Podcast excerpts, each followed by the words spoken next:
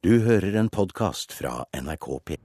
I dag kommer altså granskingsrapporten av Rock City, som kan gi svar på hva som har gått så galt.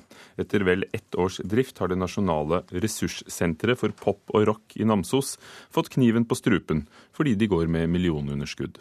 I et hittil ukjent brev varsler styret eierne at de ikke har kontroll på økonomien.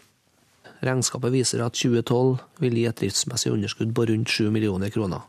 Det har mildt sagt vært svært uoversiktlig og vanskelig for selskapet å få, å få nødvendig oversikt. Konsekvensen av dette er et forverret resultat fra det vi så tidligere i sommer. Erik Stene, styreleder i Rock City, leser fra brevet han sendte ut til alle aksjonærene i januar i år.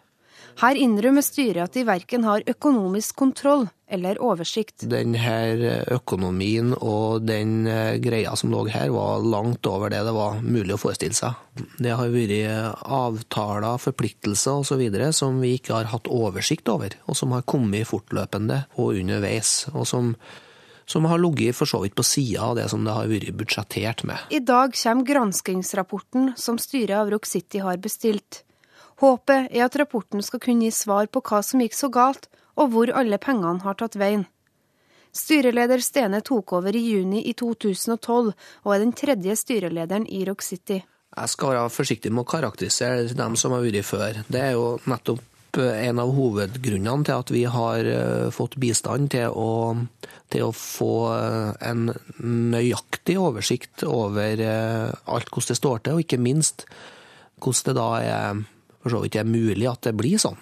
Det her er mismatch både på inntekts- og utgiftssida. Ingen av de tidligere styrelederne ønsker å si noe før granskingsrapporten er offentlig. I 2011, da Rock City åpna dørene, sto Prudence på samme scene igjen. Du kan se når det er fest.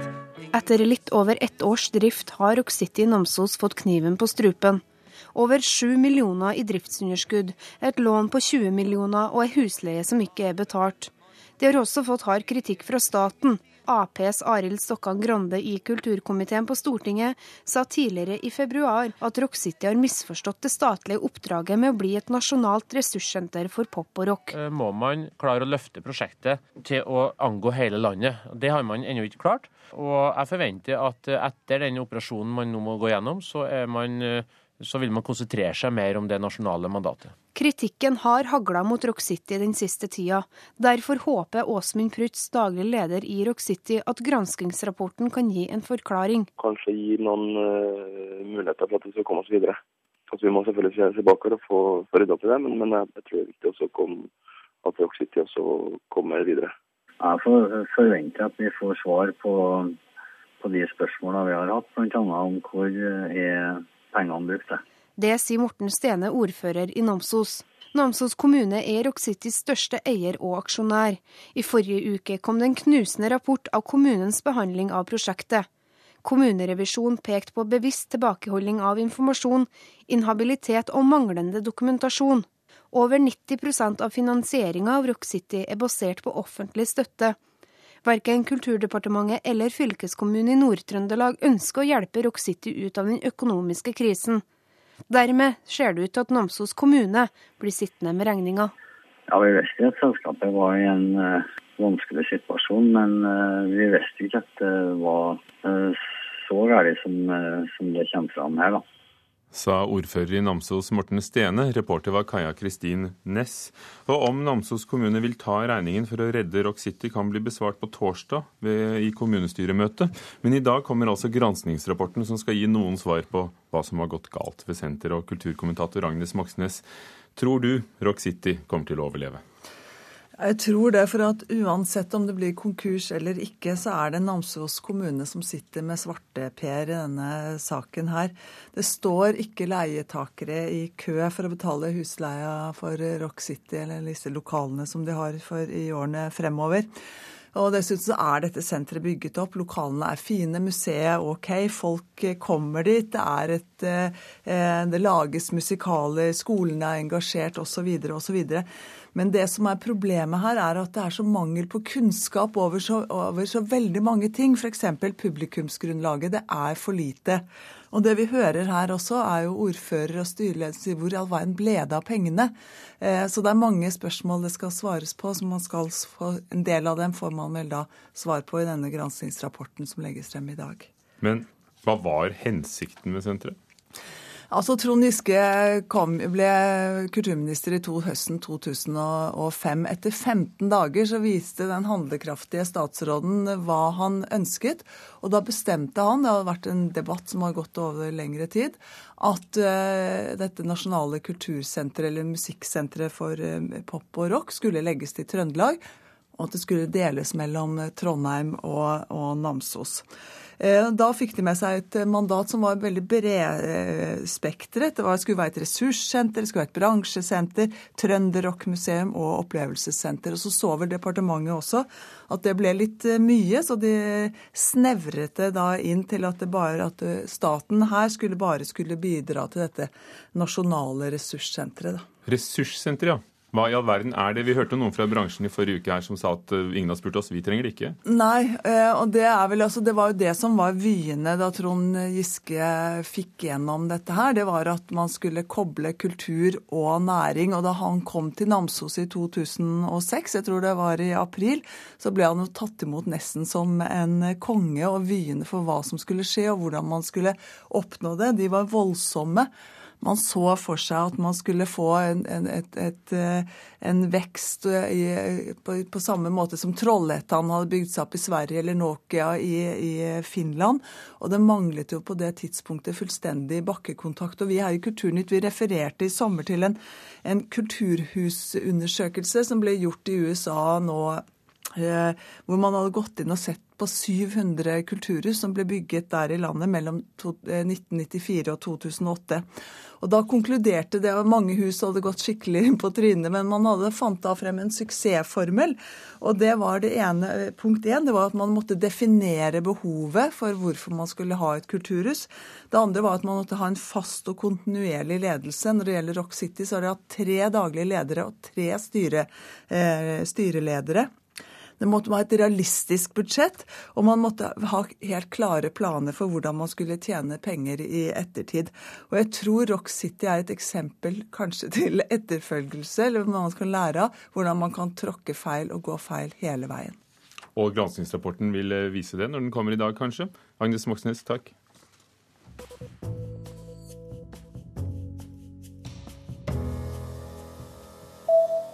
Det amerikanske senatet avslutter granskninger rundt filmen Zero Dark 30. Filmen handler om jakten på Osama bin Laden og fremstår i stor grad som dokumentarisk. Senatet reagerte på at CIA-offiserer i filmen torturerer fanger under avhør, noe som er forbudt.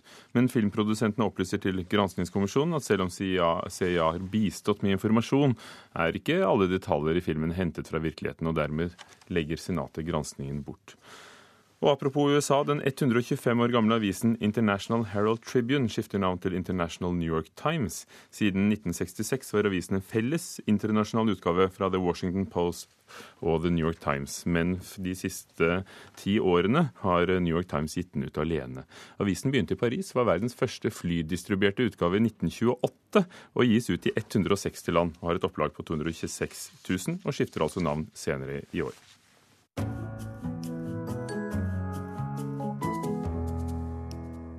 I dag starter en ny runde i rettssaken eh, mellom Dagbladet og ambulansesjåfør Erik Schenken. Dagbladet anker Oslo tingretts dom fra 2011, hvor avisen ble dømt til å betale ambulansesjåfør Erik Schenken 1 million kroner i erstatning og oppreisning for det tingretten mente var ærekrenkende uttalelser. Dette er en viktig prinsippsak, mener Dagbladets advokat. Er den klare oppfatning at tingrettens dom er uh, uriktig, og mener at, også at saken gjelder viktige prinsipper når det gjelder pressens ytringsfrihet. Dagbladets advokat Frode Elgesem mener ankesaken mot ambulansesjåfør Erik Skjenken, som starter i Borgating lagmannsrett i dag, er en viktig prinsippsak for norsk presse. I 2011 ble Dagbladet dømt til å betale én million kroner til Skjenken. Oslo tingrett mente avisen hadde publisert ærekrenkende uttalelser om ambulansesjåføren, etter at Ali Farah ble slått ned i Sofienbergparken og ikke fikk transport i ambulanse fra stedet. Men Dagbladet mener de ikke har gjort noe galt. Eh, denne saken har å gjøre med en, eh, viktig debatt sommeren, eller høsten 2007 om mulig rasisme i helsevesenet. og Det var en debatt som det var viktig at avisen også dekket. Men ambulansesjåfør Erik Skjenkens advokat Carl Bore avviser at saken handler om prinsipielle spørsmål, og mener dette gjelder klare overtramp fra Dagbladets side. Ja, Da har man jo overhodet ikke tatt inn over seg hva som står i artiklene. Erik Skjenken, eh, det er et hell at han er med oss eh, i dag. Og hvis dette bare var en systemkritikk, så hadde det aldri vært eh, noe noen, Så ville ikke han tatt dette personlig. Ja, altså Det som i korte trekk ble beskrevet i Dagbladet, var et bilde av en hensynsløs rasisme fra ambulansepersonellet, som angivelig etterlot en mann bevisstløs med urin i buksa. Det skjedde aldri. Det oppsto en misforståelse fordi ambulanse og bil ble urinert på. Dagbladet er uenig i at de har fremstilt skjenken som rasist. Som sagt, Jeg skal ikke gå inn og prosedere, men det, det fremstillingen er vi altså uenig i. Dagbladets advokat Frode Elgesem til vår reporter Eirin Venås Sivertsen. I dag kommer Myanmars president på norgesbesøk, radio- og TV-stasjonen Democratic Voice of Burma er på vei tilbake til Asia. Eksilkanalen har holdt til i Oslo i mer enn 20 år, men nå utvides pressefriheten i Myanmar, tidligere Burma, og journalistene håper de snart kan sende fra hjemlandet. Men først skal de intervjue presidenten når han kommer til Oslo. Dette er det som er igjen av eh, TV- og radiostasjonen, rett og slett? Ja. Vi har masse, masse pakker. Ja. Redaksjonen er fylt med pappesker. Det meste er pakket ned. Nelson Coe jobber med regnskapet til TV- og radiostasjonen Democratic Voice of Burma, og er en av få som er igjen på kontoret. Var 19, 19 ja. Men det var fire. I mer enn 20 år har eksilstasjonen holdt til i Oslo sentrum. Nå flytter den hjem til Asia. I januar dro de siste journalistene til Thailand. Det er der Democratic Voice of Burma har sitt hovedkontor nå. Ja, så denne rommet TV-rommet. Nå er det tom. Ingen jobber her. Ingen sitter og leser nyheter her. De uavhengige journalistene var i en årrekke fienden til militærjuntaen som styrte Myanmar, også kalt Burma. Derfor måtte de sende fra Norge. Men nå er de tatt inn i varmen.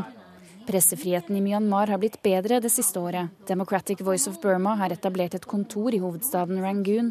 De har stadig møter med myndighetene, og de 17 journalistene som satt i fengsel, er sluppet fri. Alt dette er en drøm som går i oppfyllelse, sier nestleder for stasjonen, Kin Mang-wing. Really Snart skal kanalen holde et møte for pressefolk fra hele Sørøst-Asia. Det var utenkelig for kort tid siden og er et tegn på endring. It is a clear indicator of change. I Norge har Democratic Voice of Burma lært mye om journalistikk, og myndighetene i Myanmar har invitert dem til å ta med erfaringene for å bidra til å gjøre radio og TV i landet mer uavhengig. They cannot be uh, propaganda mouthpiece anymore in a democratic, democratic uh, governance system. So, Men det er mye som fortsatt gjenstår for et demokratisk Myanmar. Det vil han minne presidenten på når han intervjuer ham i Oslo i morgen. Like the conflict with the Kachin ethnic groups, and then uh, stay ongoing some human rights violations problem. Og Democratic Voice of Burma mangler fortsatt tillatelse til å sende fra sitt eget land.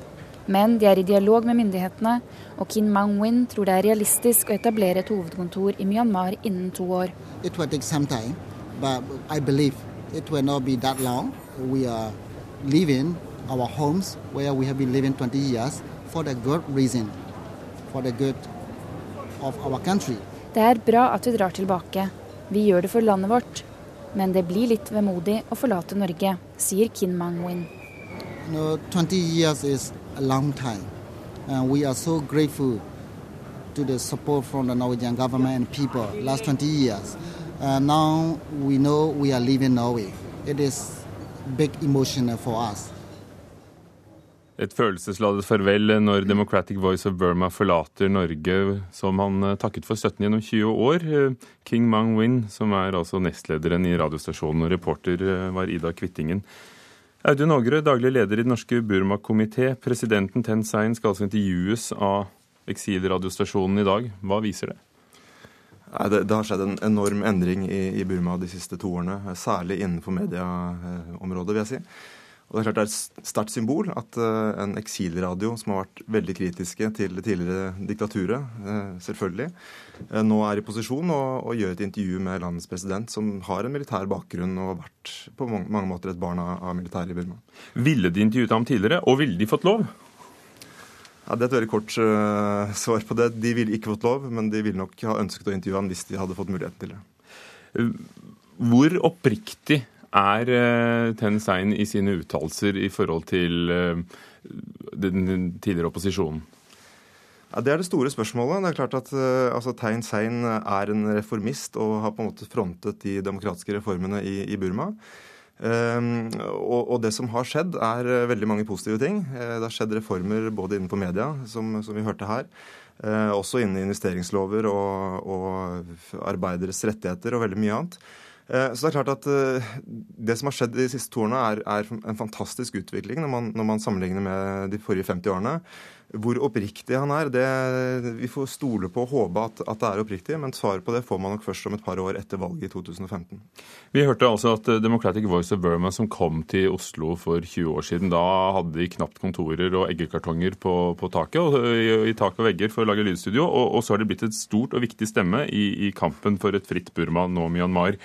Men når de nå er på vei tilbake, når kan de komme dit? For først skal de jo til Chiang Mai i, i Nord-Thailand.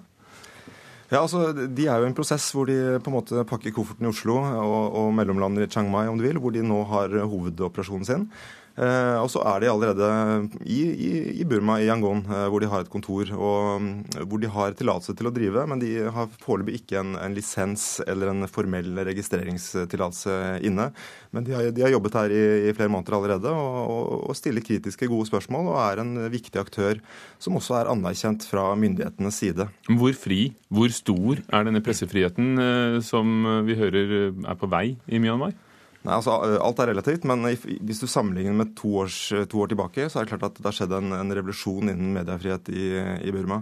Um, det er kritisk, eh, en kritisk presse nå i, Burma, både på, på, radiosiden, som DVB representerer, representerer, også på TV.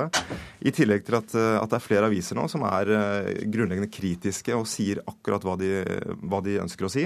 Uh, og det er veldig viktig for utviklingen av Burma videre, at, at man har en, uh, en, fri presse som, som, tør å si hva de mener. Utfordringen er at, at enkelte journalister pålegger seg en slags selvsensur. Tidligere så var det et, en, en, sensur, forhåndssensur, som gjorde at journalistene på en måte var, var trygge, fordi at det, kritiske ting ble fanget opp av sensuren. Eh, det store spørsmålet på mediesiden nå er de etniske mediene, som har en veldig liten grad av frihet. Eh, og Det er det neste store skrittet, tror jeg, innenfor media. Takk skal du ha, Audun Ågre, leder av Den norske Burma-komité. Du har hørt en podkast fra NRK P2.